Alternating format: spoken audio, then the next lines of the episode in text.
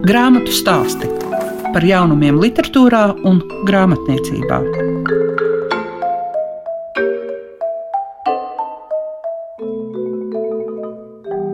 Mīļš sveiciens visiem tiem, kas klausās grāmatu stāstus un klasiku. Un šīs dienas raidījumā jūs varēsiet dzirdēt Maiju Krekli. Viņa pastāstīs par savu romānu Plūdons, jūtas un ziņas, kas pie lasītājiem nonāks aprīlī. Vēl uzzināsiet par vienu jaunai paudzei domāto grāmatu. Tās nosaukums Radio Popovs.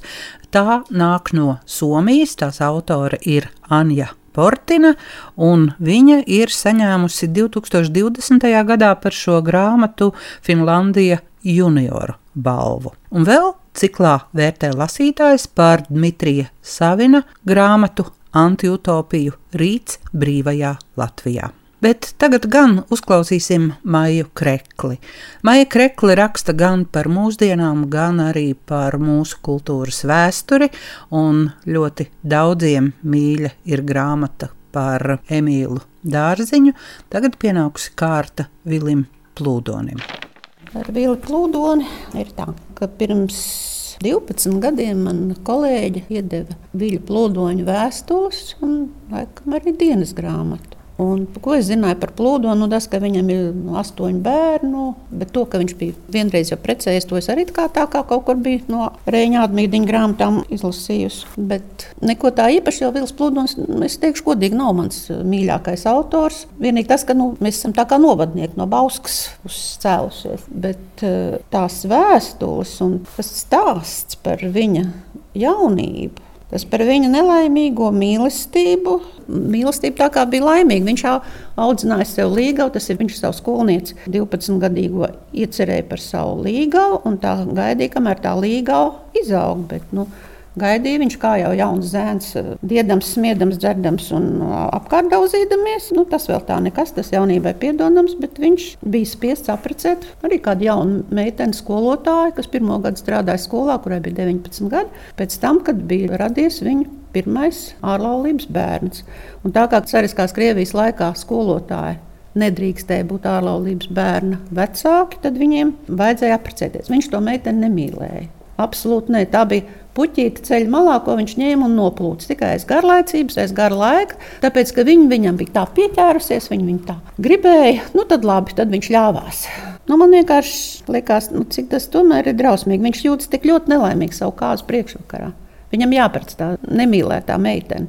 Tas bērns brēcais sienas, traucē strādāt. Nu, nepatīk viņam ne tas bērns, ne topošās sievas ģimene. Viss viņam krīt uz nerviem. Un kā uz priekšsakrā viņš raksta vēstuli savas iecerētās līgaviņas kur vēl jauniņa, jauniņa ir mātei. Un visas savas bēdas, visas savas izmisas un visas savas nelaimes viņš izliek tur. Un šī sarakste ar Annu Melbārdu, Elfrīdas topošās sievas māti, tā arī ir bezgala interesanti, aizraujoši, jo mēs redzam, cik dziļas jūtas saistīšos cilvēkus. Vilim viņa aizstāja māti, jo viņš neilgi pēc savas mātes nāves viņš iepazīst Annu Melbārdu un viņas ģimeni. Un šajā ģimenē tiek uzņemts kā dēls. Viņš jūtas kā dēls.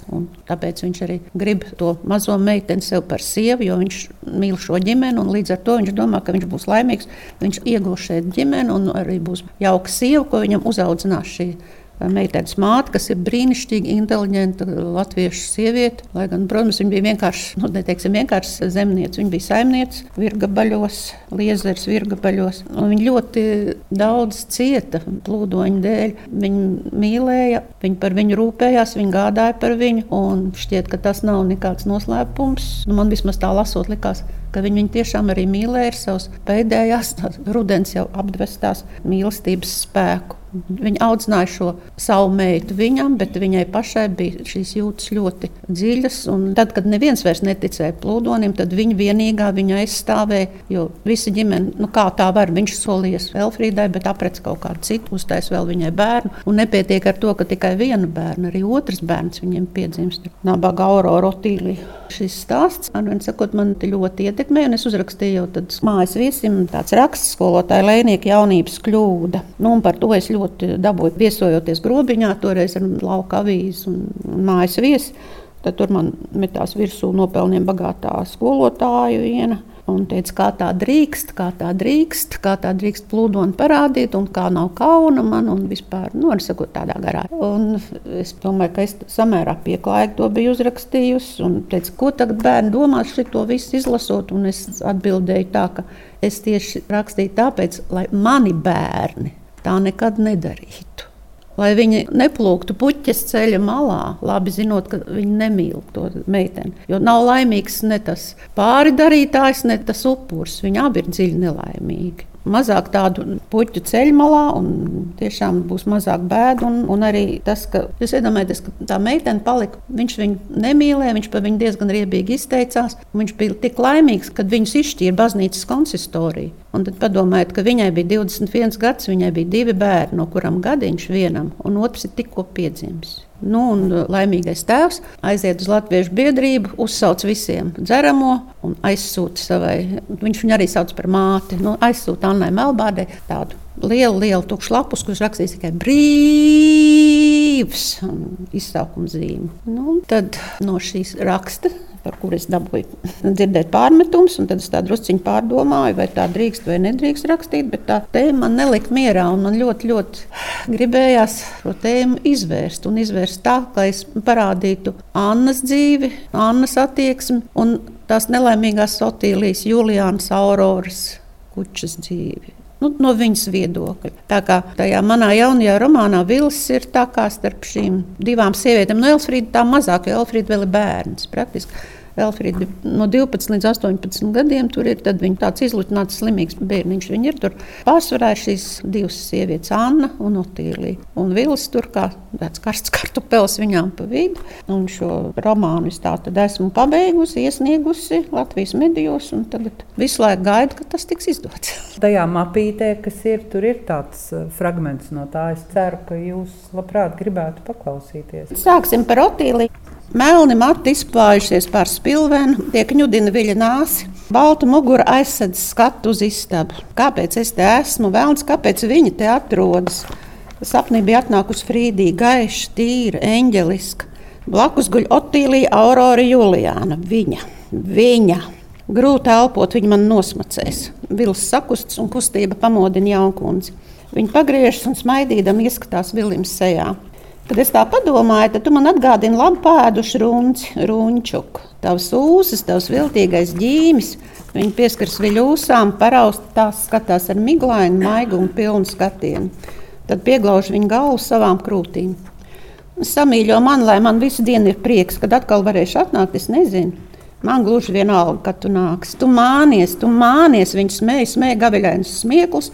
Tad apkampja vilu un uzmetas viņam virsū. Apliek viņa rokas sev ap gurniem. Ak, šie sievišķīgie, viltības pilnie gājieni. Viņi labi zina, kas viņas miesā Vilim vislabāk patīk. Viņš nespēja pretoties sievietes varai. Un vai tas arī vajadzīgs? Vai tas arī vajadzīgs? Grāmatu stāsti tiem, kam grāmatu lasīšana ir vērtība. Anita Kona no somu valodas ir iztulkojusi kādu bezgala jauku jaunai paudzei domātu grāmatu ar nosaukumu Radio Popovs.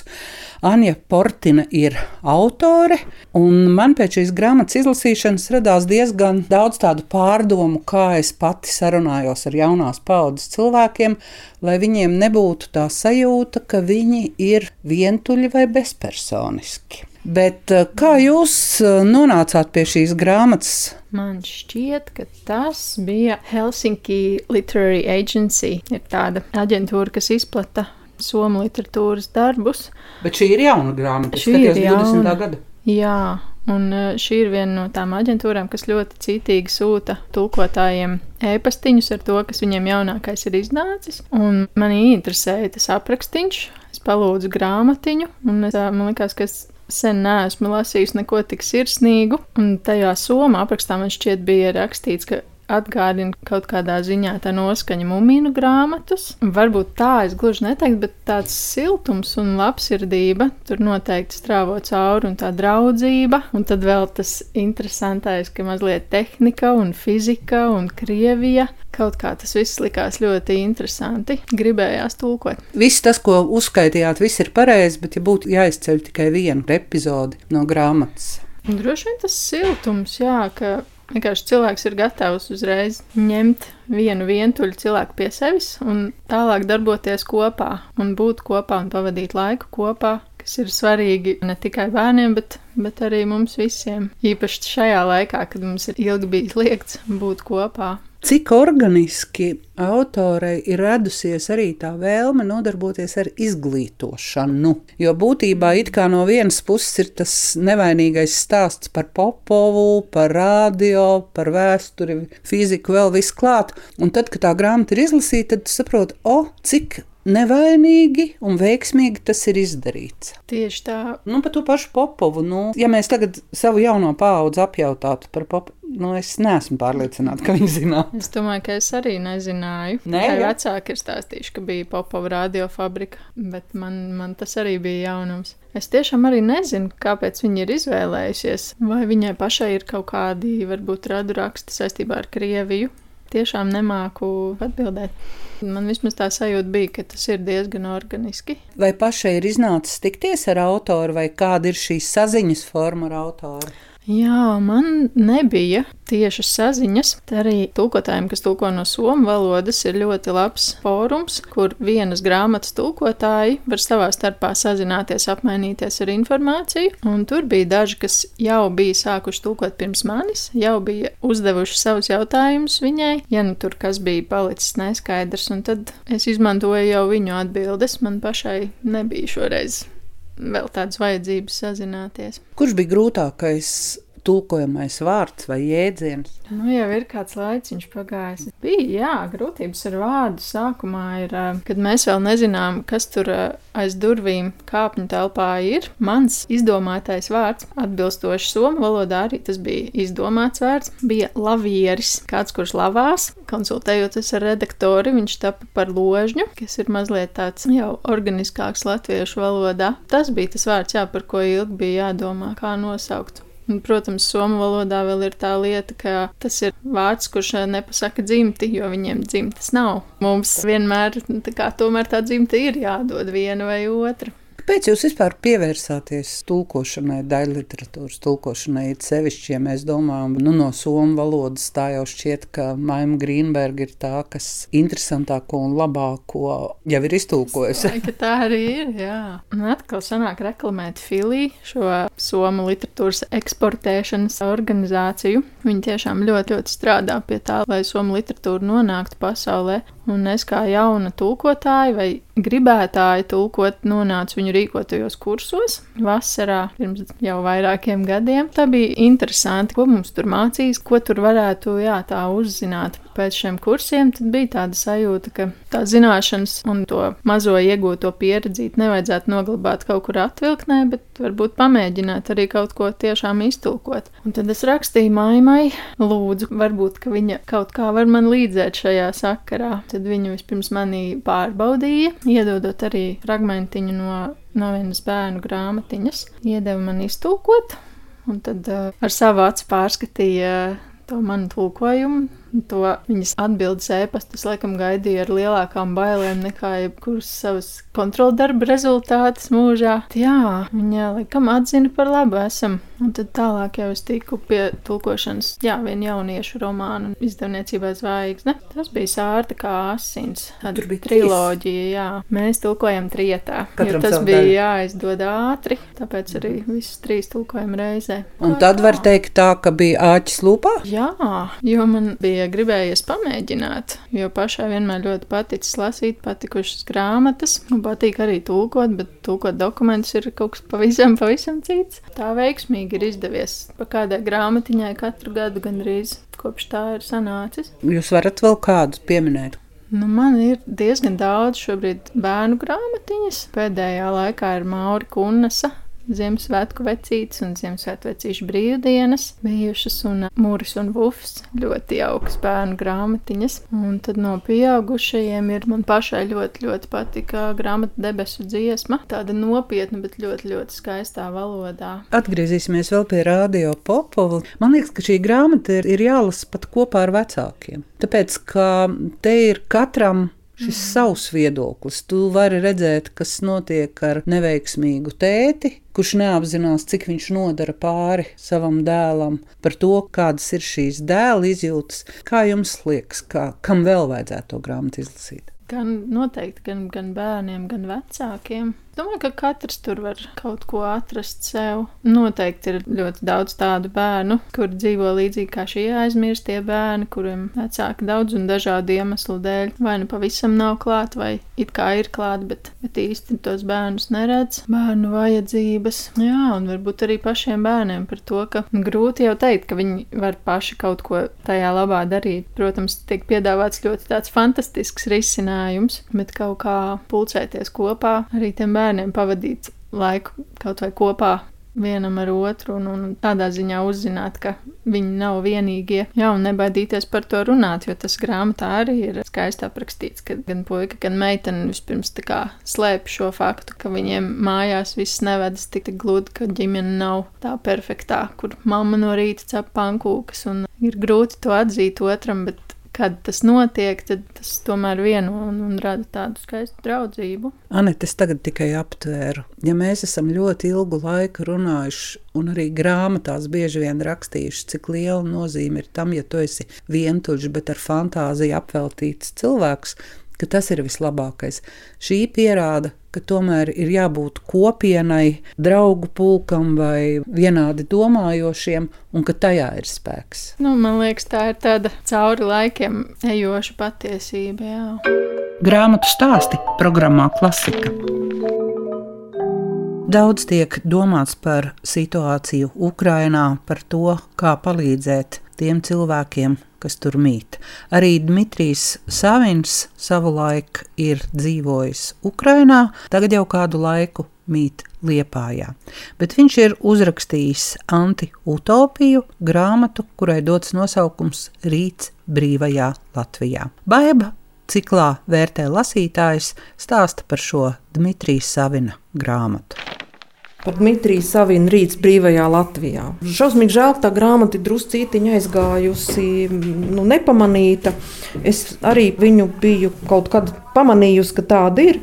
Bet labi, ka tu viņu atnesi. Paldies. Ar ko viņi man piesaistīja? Piesaistīja ar to, ka man vispār patīk, man patīk fantāzija. Tad kāpēc nepafantazēt par to, kāda varētu būt notikusi Latvija, ja 92. gadā mēs kaut kā nesāktu ķeproties uz augšu. Un Dmitrijs Savins piedāvā, viņš vispār ir no Ukrainas. Viņš gan laikam ir jauns cilvēks, bet nu, viņam droši vien ir kaut kāda padomju laika pieredze. Viņš piedāvā to, kas ir mūsu kopīgā padomju atmiņa, un uz tās fona uzbūvē tādu Latviju, kāda viņa varētu būt bijusi. Ja nenotika tas, kas notika, ka, piemēram, Latvija ir, nu, zināmā mērā mēs esam neatkarīga valsts, bet mēs joprojām esam kopīgā telpā. Nu, tur laikam pat netika saukts, ka tā ir padomju savienība, bet nu, katrā ziņā tur ir uh, mūsu pašu simboli. Mums ir sarkanbalts, sarkanais karoks, ja nemaldos, bet vienalga ir tādi nu, Tāpat tā valda krievu valoda.